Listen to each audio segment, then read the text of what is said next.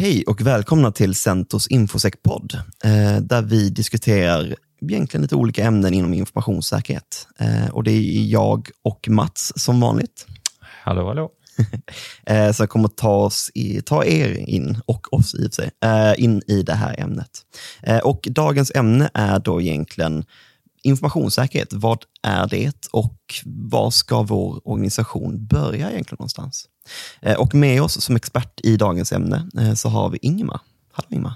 Hej, eh, Ingemar Holmgren, informationssäkerhetskonsult från Centor. Precis, så en, en, en ytterligare en kollega till oss då, då så det är Yes. superhärligt. Eh, men vad, vad är du för filur egentligen Ingmar?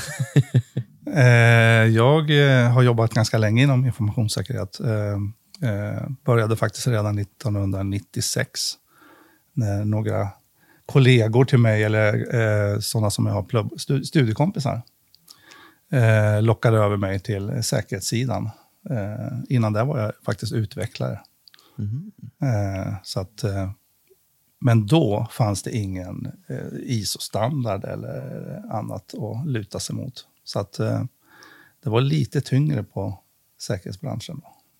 Det var lite vilda västern typ.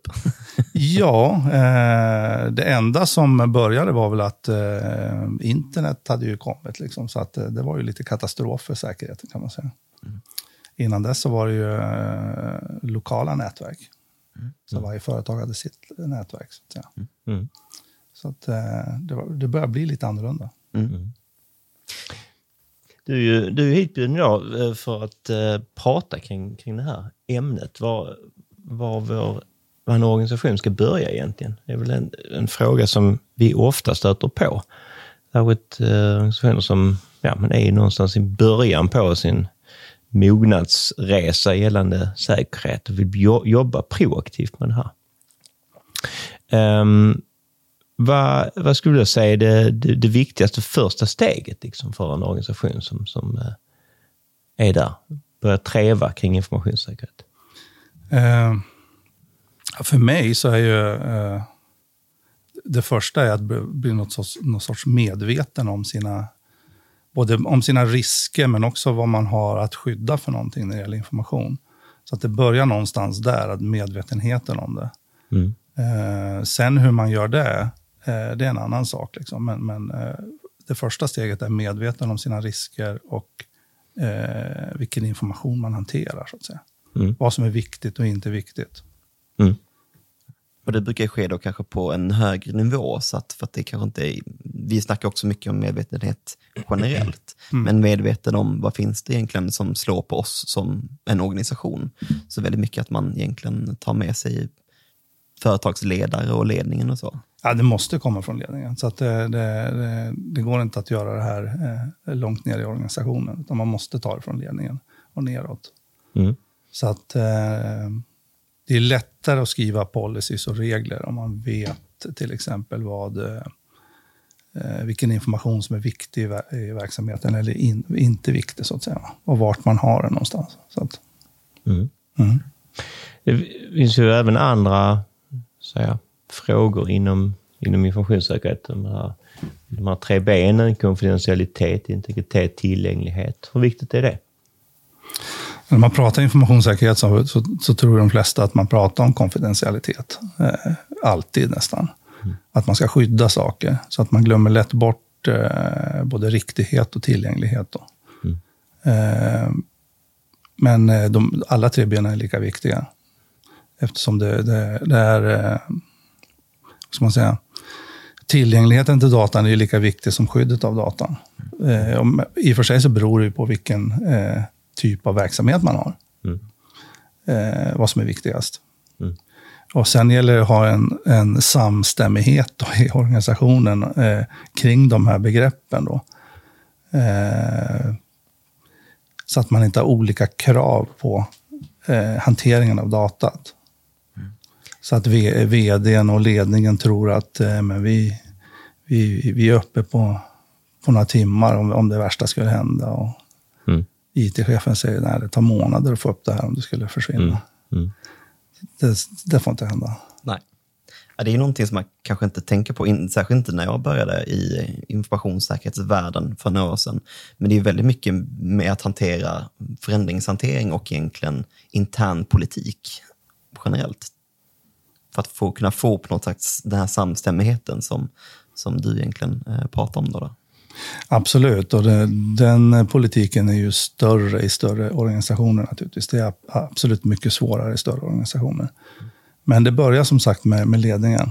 De måste, få, eh, de måste förstå det här från början och vilja göra det. Så då eh, sipprar den ner lättare i organisationen. Om man säger så. Ja, du är inne på det här med information. Att ledningen vill ha information och att de får information. Ja. Vad, vad som faktiskt händer. Så att man vet om det här. Om, om eh, vad, vad skulle hända om eh, ja, någonting sker. Så att man inte utan sina viktiga system i, i veckor, utan har en realistisk bild av vad som faktiskt kan hända. Absolut. Mm. Uh, jag tycker ju att uh, uh, det, det hör ju också till med, medvetenheten då från, från ledningen, att veta hur länge man kan vara utan ett system. Mm. Eller, till exempel hur mycket data man kan förlora eller något mm. sånt. Det, det, är oerhört viktigt att veta. Mm. Eh, då är det också lättare att skriva både regler och riktlinjer och policies mm. för att styra verksamheten. Om man nu, eh, vi har nu någon, någon av lyssnarna som är på väg in i en organisation, kanske i SISO, alltså ansvarig för informationssäkerheten eller en liknande roll. Vad skulle du vilja ge för tips till, till den här personen? Var ska man börja någonstans? Lite säkert veta. Eh, ja, förutsatt att man har ledningens Mm. och, så, och, och sitter kanske på rätt nivå i organisationen också. Eh, oftast så sitter eh, CISON ganska fel i organisationen. Så att eh, den ska sitta så högt upp som möjligt. För information är ju allt viktigare. Så att säga. Vi hanterar ju mer och mer information i, i samhället och i organisationerna. Så att eh, Eh, det är lika viktigt som eh, personal eller finans eller någonting annat. Alltså borde det sitta på samma nivå. Mm. Eh, det, det, är förutsättningen. Men det första är ju att eh, skaffa sig en bild över både risker och var all eh, viktig information ligger någonstans. Så att man knyter ihop sig. Mm. Eh, därefter kan man ju börja med och kolla hur mogen verksamheten är och personalen är och, och vad som finns på plats och inte finns på plats och så vidare. Mm. Uh, skulle jag vilja säga. Mm perspektiv. för du har ju väldigt mm, stor, bra erfarenhet av just CISO-rollen i olika organisationsstorlekar. Ju. Så att det skulle jag säga är egentligen första steget. Gör någon slags ny, nulägesanalys för att se, veta hur ligger vi, alltså, vad, vad är det som slår oss egentligen och vad är det för information vi sitter på? Ja, en gap-analys eh, tycker jag. Eh, sen vilka lågt hängande frukter som man kan, kan ta direkt, så att säga. Va? Är man ett företag som, som till exempel anställer mycket folk och växer snabbt, ja, då kanske HR-processer är viktiga och bakgrundskontroller, mm. onboarding och offboarding är viktigt eh, och så vidare. Så det beror lite på vilket läge eh, företaget är i, mm. ska jag vilja säga. Ja, för vi kommer ju ut att se väldigt olika mognadsgrad också. Det är ju allt från de som är väldigt duktiga, eh, de som kanske bara har specifika spetskompetens, kanske till exempel i IT-säkerhet. Om vi då tittar på till exempel techbolag och sånt, de brukar vara kanske relativt duktiga på sånt. Eh, eller så kanske man ser, ser ett finansiellt bolag som har mm. kanske lite högre krav på sig eh, på grund av just i den branschen. Då, då. Men precis, det, det, finns ju alla olika möjliga mognadsgrader. Absolut. Mm. Så att, eh, de senaste företagen jag varit hos har ju varit eh, uppstartsbolag till exempel. Som eh, har allting i, i molnet. Det är ju ganska modernt och nytt. Eh, de har ingen egen eh, fysisk server eller något serverrum eller någonting sånt, utan de har en wifi-router på kontoret, that's it. Och sen har man laptops. Och så har man då kanske AVS eller Azure har man sin produktion i och sen Office 365 eller Google så har man sin IT-infrastruktur i då, internt. Eh, och det är ungefär så man har byggt upp det. Och det, är ju, det är ju liksom, ställer ju saker, krav på oss då som, som konsulter också. Att eh, och även den som är CISO, att eh, riskerna blir lite annorlunda. Ja, det är inte stordatorerna som står i rummet och mainframe och... Nej, och du har en IT-avdelning som, som sköter om det och så här. Eh, på det sättet som man hade förut. Så att eh, riskerna blir annorlunda. Eh, så är det. Man för, förflyttar ju risker ut mot leverantörer istället, till exempel. Mm. Eh, man köper ju deras säkerhet. Mm. Och eh, det ställer ju krav på, på inköpsprocesser och, och kravställning då i avtal och så vidare. Så att eh, eh, det blir annorlunda risker. Mm. Så att det, är- det, det är kul när, när det ändrar på sig. Mm. Det är det du beskriver här, det, det tycker jag man kan eh, likna vid en spelplan. Alltså, vad är det för regler som gäller? Hur ska vi förhålla oss till olika saker? Eh, nya system, hur vi handlar det. Eh, det kan ha med leverantörer att göra, man pratar om risker och att man är medveten om det här i organisationen. Så att, eh, det är ju en, det är ju en ganska eh, liksom en bas för, för att kunna prata och kunna arbeta med informationssäkerhet. Jag säga. Ehm, En annan utveckling just nu då, inom det här området då, det är ju att eh, eh, kravställningen från kunder har blivit betydligt tuffare. Eh, vilket är i och för sig då bra för vår bransch, men, men, men eh, det är också tufft för företagen att uppfylla alla krav. Eh, och det är det som gör att eh, ISO 27000 och SOC 2 och andra regelverk eh, eh, ja, de måste följa det. Företagen måste följa det, för kunderna ställer krav på det. Och då kommer ju de i sin tur att eh, ställa de kraven mot sina leverantörer naturligtvis. Så att eh, jag kan ju säga att spelplanen för det här har ju ändrat sig otroligt mycket sen, sen, sen jag började i branschen. Ja, det är verkligen som du säger, det är ju att ofta vi kommer in i ett läge där våra kunder egentligen kommer säga, vi får in de här 200 eh, frågor och formulären på något sätt som Exakt. hur vi kan svara på. Hjälp oss, alternativt hjälp oss få bort dem. Och det är som du säger, genom ramverk eller att man kan uppvisa eh, att man har en certifiering eller attestering då, då, på något sätt. Så det är ett schysst sätt att faktiskt hantera det på.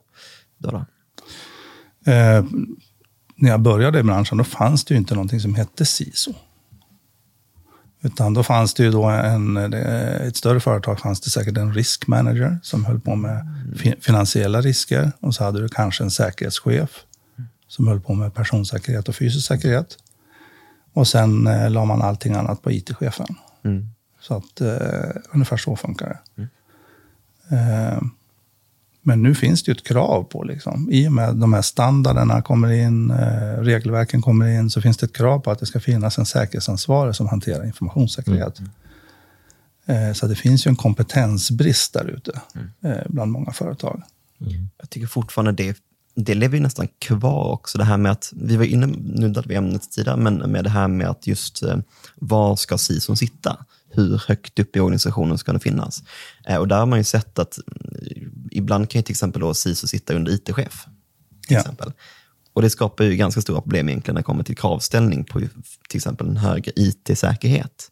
Till exempel. Så det är där man kommer upp på den här frågan, var ska CISOn sitta och lite jämföra olika roller. Då, då.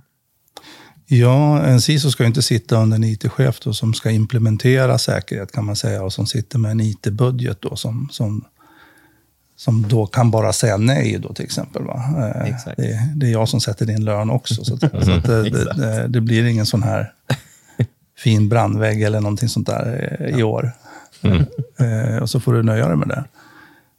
Så att du ska ju rapportera till ledningen som CISO. Eh, jag skulle vilja säga att ibland ska, ska CISOn till och med sitta i, i ledningen. Mm. Om det ska bli riktigt bra. Mm. Eh, men det, är- så är det ju inte där ute. Nej. Utan man håller sig till klassiska roller i ledningen. Eh, och sen eh, sätter man CISO någon annanstans. Vi är inne på eh, intressenter här. Vi har olika perspektiv. Kunder och leverantörer och vi har ledning och så vidare. Jag skulle säga att det har, har förändrats så att eh, och, alltså, informationssäkerheten har ju ändrats under din tid du har varit i branschen. Var, var, var den så att säga, utvecklats under de här åren? Från fokusen. Intressenter, ja det finns ju eh, både leverantörer, eh, kunder naturligtvis och så vidare. Sen har du ju då lagstiftning då. Eh, GDPR har ju blivit tuffare naturligtvis mm. med åren. Eh, eh, hanteringen, hanteringen av personuppgifter har naturligtvis ökat också eh, under den här perioden. Ganska mycket. Så att eh, den lagstiftningen är mycket, mycket viktigare naturligtvis. Så att, eh, det, sen har du ju intressenter då, du har mycket fler leverantörer känns det som idag. Eh, så att du, du köper ju dina tjänster ute på nätet i princip idag. Eh, du installerar inte så mycket programvaror eller driftar dem själva. Eller sånt där, så att, eh, de intressenterna är också fler. Vilket betyder då kanske att eh, de riskerna är högre, så att säga. Va? Mm. Eh, du är mer beroende av eh, ett externt nätverk, som internet. Då. Mm, mm. Som du kanske inte var beroende alls på 90-talet. Liksom. Mm. Mm. Så att, eh, det är klart att eh, intressenterna är större. Då är det liksom fler leverantörer, ska vi säga. Och mm. Sen är lagstiftningen och sen har du då kunder och leverantörer. Då, och kunderna ställer ju krav då utifrån eh, sina certifieringar, då, som mm. ISO eller någonting annat. Mm. Eh, så, och sen har det tillkommit andra regelverk naturligtvis, som NIS och eh, inom spelbranschen finns det ju eh, regelverk. Du har eh, PCI, fanns inte heller på 90-talet för mm. Betalda transaktioner. Då. Mm. Så att det, visst har det ändrats. Mm. Och det skapar också någon slags, man måste ha mer koll på vad är det, man, vad är det som är applicerbart för oss egentligen, för det är inte alltid helt lätt att veta. Jag vet att det är många kunder som då till exempel inte riktigt vet om man slås av NIS till exempel. Eh, liknande. Då kommer vi tillbaka till det här med, med kompetensbristen naturligtvis. Att man, eh, eh, det är lätt att eh, tycka att det är informationssäkerhet, det, mm. det är väl typ IT va? Vi, vi, lägger, vi lägger det på IT-chefen då. Ja, och han försöker då backa och säga att mm. jag har inte kompetens inom det här, jag vill inte ha det här. Eh, och så har man en kompetensbrist i företaget ja. och då måste man anställa någon som har, eh, eller ta in hjälp. Då. Mm. Så att, eh, där är många företag idag, ska, ska mm. jag vilja säga. Mm. Ja. ja. Håller ansvar.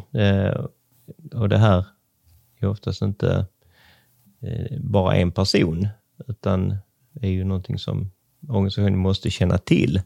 Att vi har ju mail då, att man ska öppna länkar, alltså all, allmänna medvetandet om det här med säkerhet och inte släppa in konstiga personer. Men även då i, vi var ju inne på processer och annat tidigare, att även om man har en CISO så är det ju HR som gör vissa saker. Uh, vi, har, ja, vi har kanske försäljningsavdelningen som hanterar vissa saker. Så att, uh, det är ju en viktig bit. Mm. Ja, säkerhetsmedvetandet har ju också ändrats. Liksom. Mm. Så att det är, ju, det är större krav på alla medarbetare idag än vad det var tidigare. För att hantera sånt här då, eftersom riskerna är högre idag. Mm. Eh, vi sprider vår information på många fler typer av media. Liksom. Mm. Skulle jag vilja säga. Så att, eh, och det är svårare att hålla koll för en CISO. Så att eh, säkerhetsmedvetandet är ju en nyckel för att eh, hålla säkerhetsnivån. Då. Mm. Så att, och där finns det ju inga genvägar. Så att, det gäller ju bara att utbilda alla medarbetare i, i de regler och riktlinjer man har. så att säga. Mm. Exakt. Ja. Det kan ibland vara ganska ensam roll och där har man ju också hört att, eller där brukar ju generellt vara väldigt bra att ha vad ska man säga, eh, security champions eller säkerhetsambassadörer ute mm. i verksamheten. Hur, hur ser du på det? Ja, men en stor organisation så är det nödvändigt. För annars så hinner du inte göra allting. Liksom. Och eh, jag brukar ofta ställa den frågan till, till organisationer och sånt när jag håller utbildningar och sånt där. Vem, vem är det som ser till att vi har en hög och bra eh, säkerhetsnivå. Liksom. Vem, vem sköter om säkerheten? Här? Då brukar alla peka på mig. Mm. Och då brukar jag peka tillbaka och säga, nej, det är vi alla som ska upprätthålla säkerhetsnivån. Annars så kommer jag misslyckas om det är bara jag, så att säga. Det är en sån kuggfråga du brukar ställa. Alltså. Ja, exakt. ja, det är ju väldigt bra i och för sig. Ja, Det är Precis som du säger, det är beroende på företagsstorlek och lite vilken information som man egentligen har och vilka lagar som egentligen slår en. Då blir det ju det, är det som lite sätter eh, storleken på organisationen för säkerhet. Det, man kan, alltså det finns ju företag som har 50 stycken som bara enbart sysslar med säkerhet. exakt. Och det funkar inte kanske för ett företag på 100 pers till exempel. Eller så. Nej. Det är precis som att eh, har du 30 pers i företaget så kanske du hyr in någon ett tag Ja, istället. exakt. För att du har inte eh, arbetsuppgifter för en heltidsanställd CISO Mm. för tillfället. Så att, eh, och sen när man växer så anställer man den istället. Du är inne på, på risker här. Alltså, eh, en eh, omvärld som förändras hela tiden. Man blir ju aldrig riktigt klar med sitt säkerhetsarbete. Eller vad säger du? Att få en riskmedveten organisation och förändring, förändringsbenägen organisation är ju liksom målet. Att de ska göra sina riskanalyser själva hela tiden. Mm. Sen kan man samla ihop alla risker och ha liksom något sånt centralt riskregister då för att hålla koll på det. Men, men organisationen måste ju kunna göra det själv. För CISOn kan ju inte åka runt och göra riskanalyser hela tiden. Eh, och att få en eh, förändringsbenägen organisation som, som eh, flaggar för förändringar själv. Då har man ju lyckats som, som, som CISO och som, som ledning också. Att eh, alla flaggar för att ja, men vi har en säkerhetsbrist här eller så här kan vi inte göra. Här borde vi ändra och så vidare. Eh, Då blir man ju glad som CISO. Mm. Och det är lite det man vill uppnå med det, säger med det systematiska informationssäkerhetsarbetet, som då är, Information Security Management System eller ledningssystem för informationssäkerhet. Yes. Bra. Eh, vi tackar dig så mycket för att du var med Ingmar. Tack så mycket. De Det var jättekul. avsluta. Tack. Tack. Och eh, tack så jättemycket. Eh, och eh, vi får se vilken, vilket ämne vi kommer med i vår nästa podd. Ja. Eh, och som sagt, är det, är det frågor eller funderingar eller någonting som ni går och tänker på så är det bara att höra av er på då vår mejladress som finns i poddavsnittets information. Mm. Tack så jättemycket. Och stort tack för att du lyssnade på oss. Tack så mycket. Tack, tack.